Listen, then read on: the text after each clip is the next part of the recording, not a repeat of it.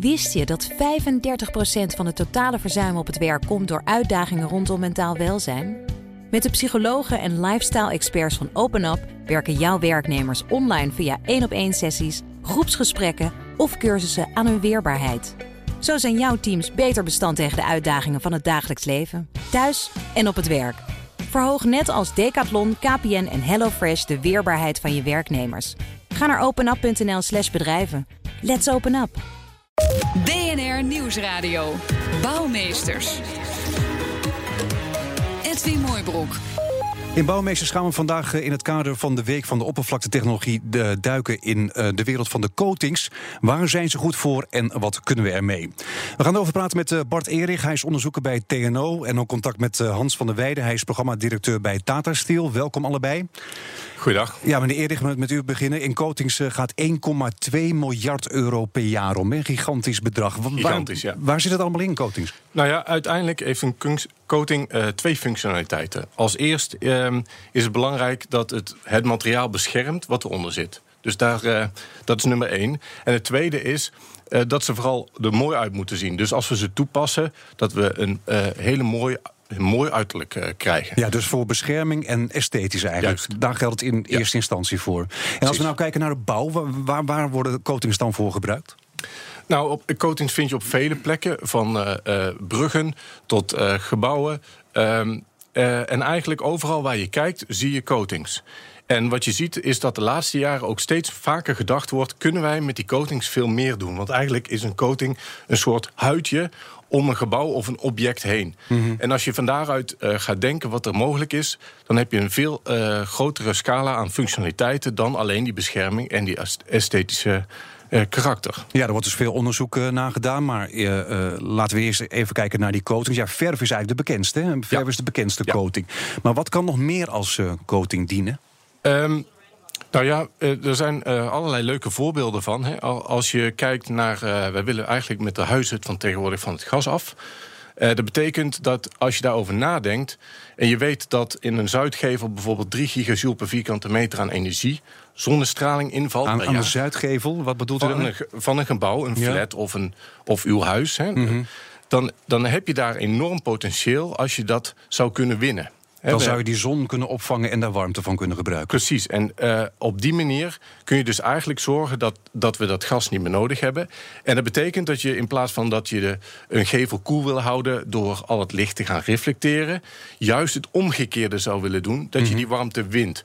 Of nog veel heb, slimmer. En dan heb je geen gas meer nodig. Dan, dan, uh, dan is het zo dat als je gaat uitrekenen wat je op een woninghuis, een regulier rijtjeswoning, nodig hebt met dak en gevel, dat je gewoon een energiepositief huis zou kunnen maken. Dan wordt je huis eigenlijk verwarmd door de coating die je gebruikt. Ja, dus de zon die erop op, uh, op schijnt, die ga je be benutten. Want uh, 50% van het zonlicht zien wij niet. Mhm. Mm -hmm. Dat betekent. Maar dat, is er wel? Die is er wel. Dus je kunt de esthetische eigenschappen van, van je gebouw, van je woning, van je pand, kun je houden. En de rest van uh, de, de zonnestralen benutten om energie op te wekken. Of uh, juist weer te koelen. Uh, beide zijn mogelijk. Een soort zonnepanelen, maar dan anders. Ja, zonne, zonnepanelen. Dat is een project waar wij recentelijk mee gestart zijn.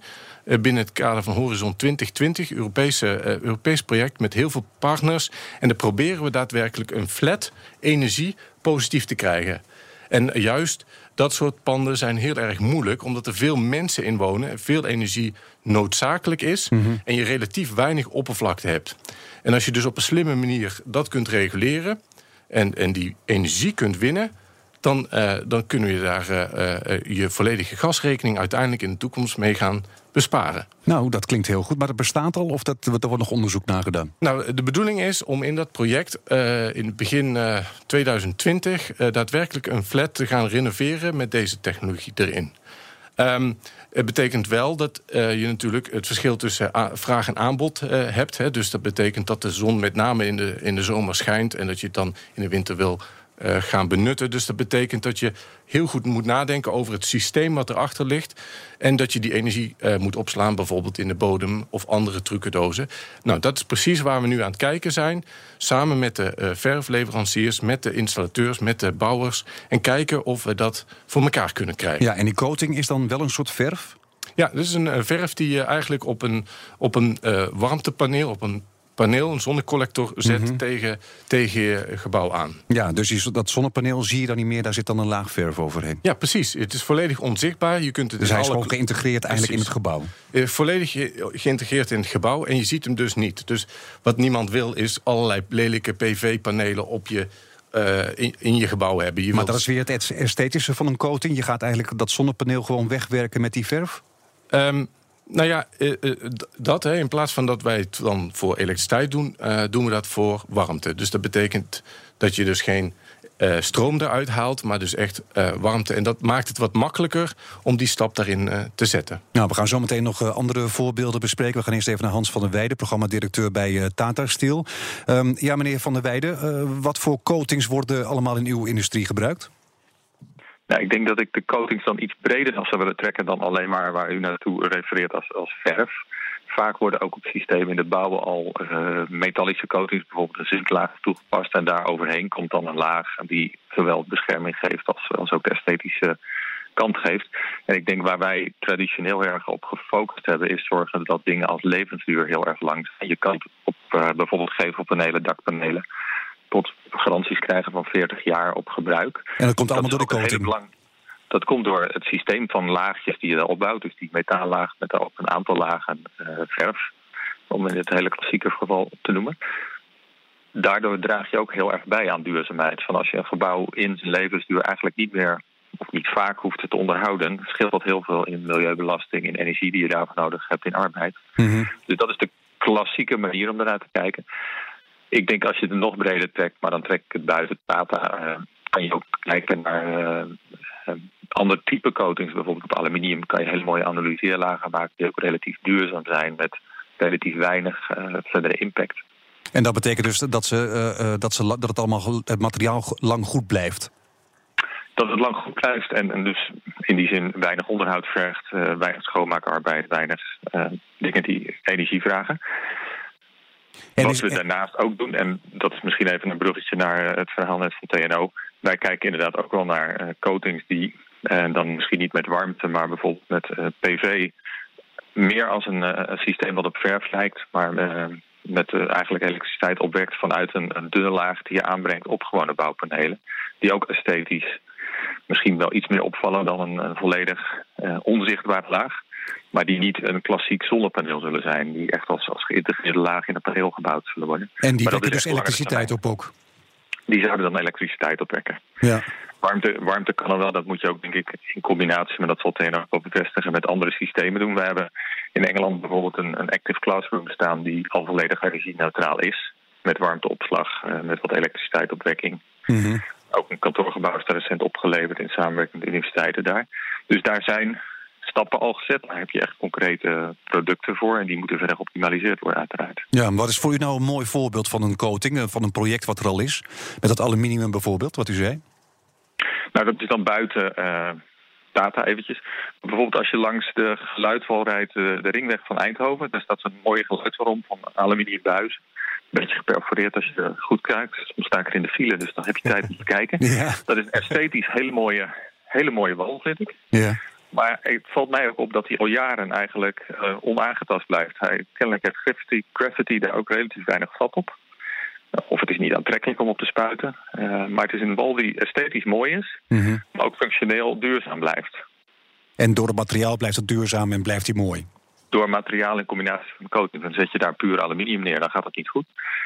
Maar kennelijk is aluminium met een gekozen analyseerlaag... die ook wat leuke kleurstellingen heeft... Mhm. Eh, daar een heel mooi voorbeeld van hoe je met coatings mooie dingen kunt bereiken. Ja, door coating heb je dus uh, in principe minder onderhoud nodig. En daarvoor is ook weer een coating ontwikkeld. Want u heeft een soort van signalerende coating ontdekt. Ja, je kunt ook uh, nadenken uh, dat de coatings mee gaan helpen met het onderhoud. Dus als het materiaal wat eronder ligt een problematiek heeft.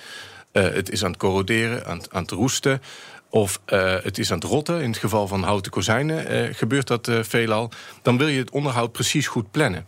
En als je nu materialen zou kunnen laten zeggen dat er iets mis is, dan kun je door minder frequent te gaan kijken, minder frequent langs het gebouw te gaan, toch eventjes in zo nu en dan een fotootje maken, in je, met, op een SD-kaartje in je computer stoppen en dan analyseren. En dan kun je zien dat er iets wel of niet mis is. Maar hoe laat je die materialen dat zeggen? Um, ja, daar zijn allerlei fysische en chemische processen dan die daarin zitten. En dat is nou precies, denk ik, het leuke kant van wat wij doen bij onze uh, bij, bij TNO, is dat we daar zowel fysische als chemische processen zijn. En het transportprocessen die dan rondspelen. En het laten vrijkomen van stofjes die die signalering kunnen doen. Uh, en dat dus het materiaal waarschuwt eigenlijk van er is nu onderhoud nodig. Ja, en, en je hebt al heel veel voorbeelden uh, die wij kennen. Een voorbeeld is waarschijnlijk de, de ruitenwissers die, die op je voorruit zit. Er zit vaak een stickertje op die als dan de ruitenwisser vervangen moet worden... al van kleur is veranderd. Nou, bij mij gaat gewoon een rubber eraf, dan moet hij gewoon nieuw. ja, ja. ja, precies. Maar daar zit vaak een stukje, daar bent u misschien heel snel... maar er zijn heel veel mensen die dan achter de stuur zitten... en dan zien, oh, het stickertje is vervangen, ik moet hem toch een keer uh, laten vervangen. Er zit dan uh, zo'n plak stickertjes op. En dat heb je met voedingsstoffen en voedingsmiddelen ook. Dat je straks een verkleurd stickertje hebt en dan weet dat er iets mis is. Nou, datzelfde zou je ook kunnen doen bij, uh, bij materialen. Ja, meneer Van der Weijden, maakt de staalindustrie hier al gebruik van? Nee, niet dat ik uh, op dit moment weet. Wat ik wel weet is dat we projecten hebben, niet alleen wij, maar ook breder in de industrie, om niet zozeer met kleurveranderingen, maar je kan ook uh, fysische metingen doen aan lakken. Uh, op bijvoorbeeld grote projecten zoals bruggen, waar uh, onderhoud echt een wezenlijke kostenpost is. Het renoveren van een, van een grote brug over een rivier kost echt enorm veel geld. Dus dat mm -hmm. wil je doen als het nodig is, niet te vroeg, niet te laat. En daar worden wel monitoringprojecten al opgezet, waar je met hele slimme, um, je zou kunnen zeggen, de weerstand, de elektrische weerstand van de coating op een hele geavanceerde, slimme manier meten.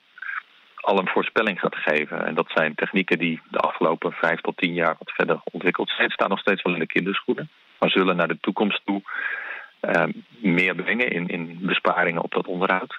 Ik denk wel dat dingen zoals uh, TNO noemt heel belangrijk kunnen zijn om daar aan bij te dragen. Misschien vergelijking met het, het oude lakmoespapiertje in de scheikundeklas. Als er iets verandert van stuurgraad, zie je dat. En ik kan me goed voorstellen dat je dat wel in kan bouwen in, in dit soort lagen. Ja, een voorbeeld eh, van coating is de omstreden Chrome 6-verf... waar werknemers van Defensie ziek van zijn geworden. De branchevereniging ION en de Metaalunie die hebben in oktober een brandbrief gestuurd naar het kabinet over het gebruik van het anti-roestmiddel Chrome 6. En daar zegt Egbert Stremmelaar, hij is managing director van de vereniging ION, het volgende over. Het probleem is, is dat de emotie is gaan overheersen. Maar dan is het probleem niet zozeer het feit dat die stof gevaarlijk is. Maar het probleem zit hem vooral in het feit dat je het als werkgever goed moet gaan faciliteren om te zorgen dat je die werkzaamheden op een veilige manier uitvoert. Eigenlijk wil men een, eh, een autorisatieperiode van vier jaar instellen. En wij hebben in 2016, uh, eh, samen met de FME en de Metaalunie, hebben wij uh, Pantaya gevraagd om eens een onderzoek te doen van wat is nou uh, de economische impact van zo'n autorisatieperiode die heel kort is of niet is. En die heeft becijferd dat dat ongeveer 300.000 banen in Europa zou gaan kosten. Dat is nogal wat. En toen hebben we gezegd van ja, maar als dat nou de consequentie is en het is een product wat je weliswaar moet klassificeren als kankerverwekkend, maar wat je op een veilige manier kunt verwerken in de productieprocessen, ja, waarom moet je er dan zo'n ritueel van maken om te zeggen van we gaan dat aan banden leggen? Ja, dat uh, zei Egbert Stremmelaar, managing director van de vereniging I, uh, ION. Uh, Hans van der Weijden, programmadirecteur bij Tata Steel. Dat Chrome 6, waar wordt het allemaal voor gebruikt? Chrome 6 werd traditioneel gebruikt, zowel onder de coating in een, een, laagje wat voor een hele goede hechting zorgt tussen verf en, en bijvoorbeeld metalen oppervlakken, mm als wel in de coating. En in beide uh, manieren, dus als pigment in de coating op het laagje eronder, heeft het een actieve werking. Dus als er een defectje ontstaat of een, of een krasje in de coating, dan zorgt dat gram 6 ervoor dat dat defect een soort zelf gerepareerd wordt. En dat de corrosie, de roest, behoorlijk vertraagd wordt of zelfs stopt. Dus in die zin was het een, eh, een vrij ideaal product om levensduur te verlengen tegen relatief lage kosten. Maar is het alleen maar onveilig of, of, of kan je het ook veilig gebruiken?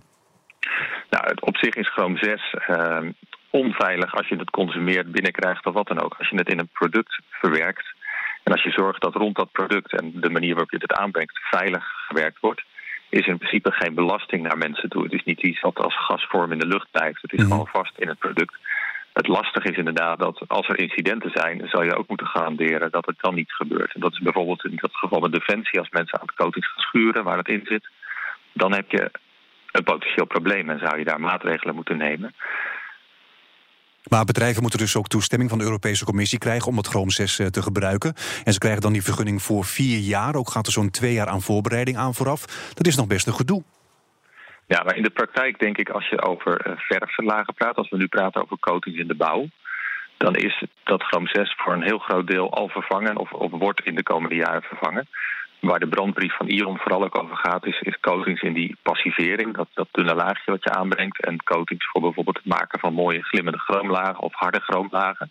En daar is vervanging veel moeilijker in. Ja.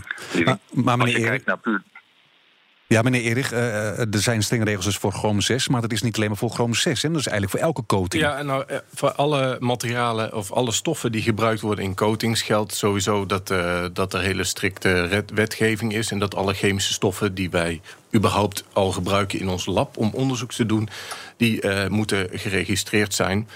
en zeker als je ze op grote schaal wil toepassen. Dus. Um, ja, dat geldt uh, in de algemene zin uh, sowieso. Nou, op zich is dat wel logisch, hè, omdat het chemische stoffen zijn natuurlijk waar je mee werkt. Ja, ja, absoluut. Ja, maar soms is het zelfs nog strenger als voor ons voedsel, hoor ik. Nou, er zijn voorbeelden dat je het als uh, industrieel product hebt, of verzorgingsproduct. En, en dat je het daar wel in mag gebruiken. er zijn wat voorbeelden met shampoos bijvoorbeeld. Um, en, en dan mag je het niet gebruiken in coatings. Nee. Dus dat komt, komt voor en dat heeft vaak te maken met de richting. Uh, maar goed, uh, het is niet mijn expertise. Uh, want ik, ehm, ik ben van huis uit een, een, natuurkundige, dus ik kijk naar de uh, transportprocessen van dat soort stoffen. Nee, maar ik vroeg, bij, vroeg, zin, ik, ik vroeg bij, ja. aan u ook in algemene zin inderdaad gelden strenge regels voor. Absoluut. Ja, meneer Van der Weijden, u, u, zegt er is ook al een alternatief hè, voor het Chrome 6. Er zijn voor verschillende toepassingen van Chrome 6. Want Chrome 6 werd in het verleden voor heel veel dingen gebruikt. Er zijn al ontwikkelingen geweest die vervanging mogelijk maken. Uh, dat zijn denk ik de meeste toepassingen waar we hier praten over coatings in de bouw. Daar is eigenlijk Chrome 6 al grotendeels vervangen. Ja. En dat zijn, is niet één stof, dat is een scala aan verschillende mogelijkheden die uiteindelijk gezamenlijk een bijna gelijke performance halen als dat Chrome 6. Ja, dus de industrie is daar wel naar op zoek om uh, dat soort alternatieven te vinden is daar al 10, 15 jaar naar op zoek geweest. En heeft gelukkig heel veel toepassingen daarvoor gevonden. Ja. En als je kijkt naar duurzame alternatieven, zijn die er ook veel als je kijkt naar coatings, uh, meneer Erich? Um, ja, de, de, een mooi voorbeeld is een onderzoek. Uh, um, wat, waar recentelijk een promovenda aan gepromoveerd is op de TU Eindhoven. Die heeft gekeken uh, naar het gebruik van schimmels als coating uh, op uh, met name schuttingen. Maar dat zijn dus geen chemische stoffen, dat zijn, zijn geen natuurlijke stoffen. Natuurlijke stoffen. Ja, wij eten ook wel schimmel, uh, kazen is een voorbeeld van. Als je die schimmels op een schuur zet, dan gaat die volledig zwart uh, uh, dichtgroeien. En als er dan een kras op komt, dan groeit gewoon de kras weer dicht. Er zijn heel veel mooie voorbeelden. Een zelfherstellende, duurzame, natuurlijke coating Precies, juist, ja. ja. ja. En, en, kan de staalindustrie er ook gebruik van maken, van dit soort duurzame alternatieven? Meneer Van der Weijden? Nou, we hebben wel uh, projecten gehad waar we keken naar het gebruik van soortgelijke schimmels. Schimmels zijn bijvoorbeeld heel goed waterafstotend. Of je die eigenschap uit een schimmel niet kan vertalen naar een, een molecuul, om dat, door dat uh, eruit te halen en dat aan te brengen. Op dit moment zijn we nog niet zover. Waar je wel in de industrie in de breedte naar ziet, is dat mensen bijvoorbeeld naar andere polymeren kijken. Naar bijvoorbeeld polymeren die gemaakt vanuit biologische materialen, die daardoor ook uh, in die zin meer sustainable zijn. Mm -hmm voorbeeld wat ik ken vanuit een van de industrieën is dat bijvoorbeeld voor de lakjes die gebruikt worden in conserveblikken, is er een Italiaans bedrijf die die lak maakt van restanten van tomaten die ze daar toch overhouden als oh ja, tomatenpulp maken. Nou, dat, is, zou perfect zijn, dat, dat soort kan, dingen. Hè? Die zin sluit je dan toch weer een keten een beetje. Ja. Oké, okay, goed. Dank u wel voor de komst naar studio. Bart Erich, onderzoeker bij TNO. En aan de telefoon Hans van der Weijden, programmadirecteur bij Tata Steel. BNR Bouwexpo.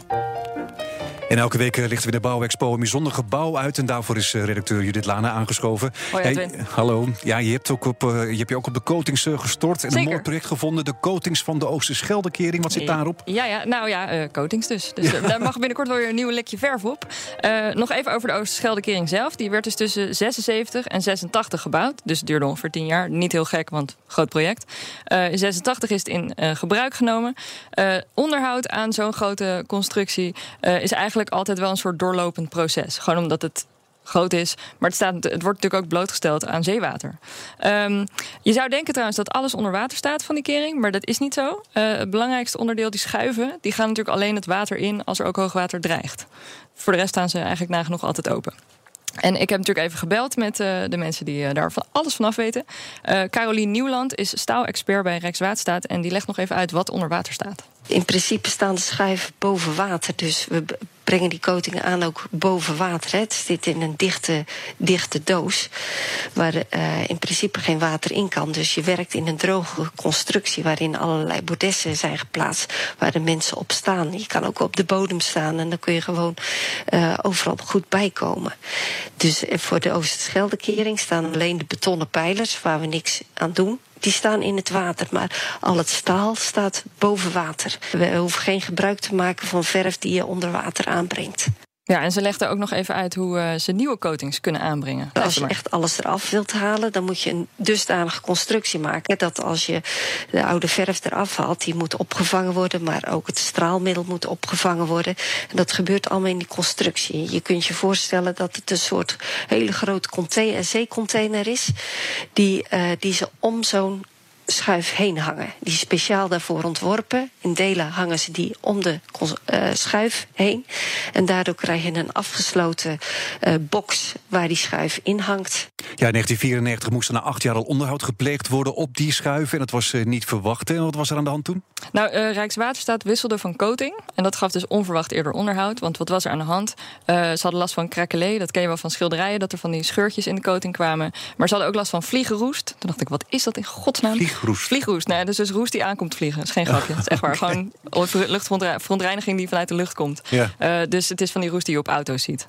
Um, en uh, nou ja, maar die huidige coating zit er ook alweer 25 jaar op. Maar kan dus lang meegaan. Oké, okay, dankjewel uh, Judith. Tot zover uh, deze aflevering uh, van Bouwmeesters. Ik heb veel geleerd over coatings vanmiddag.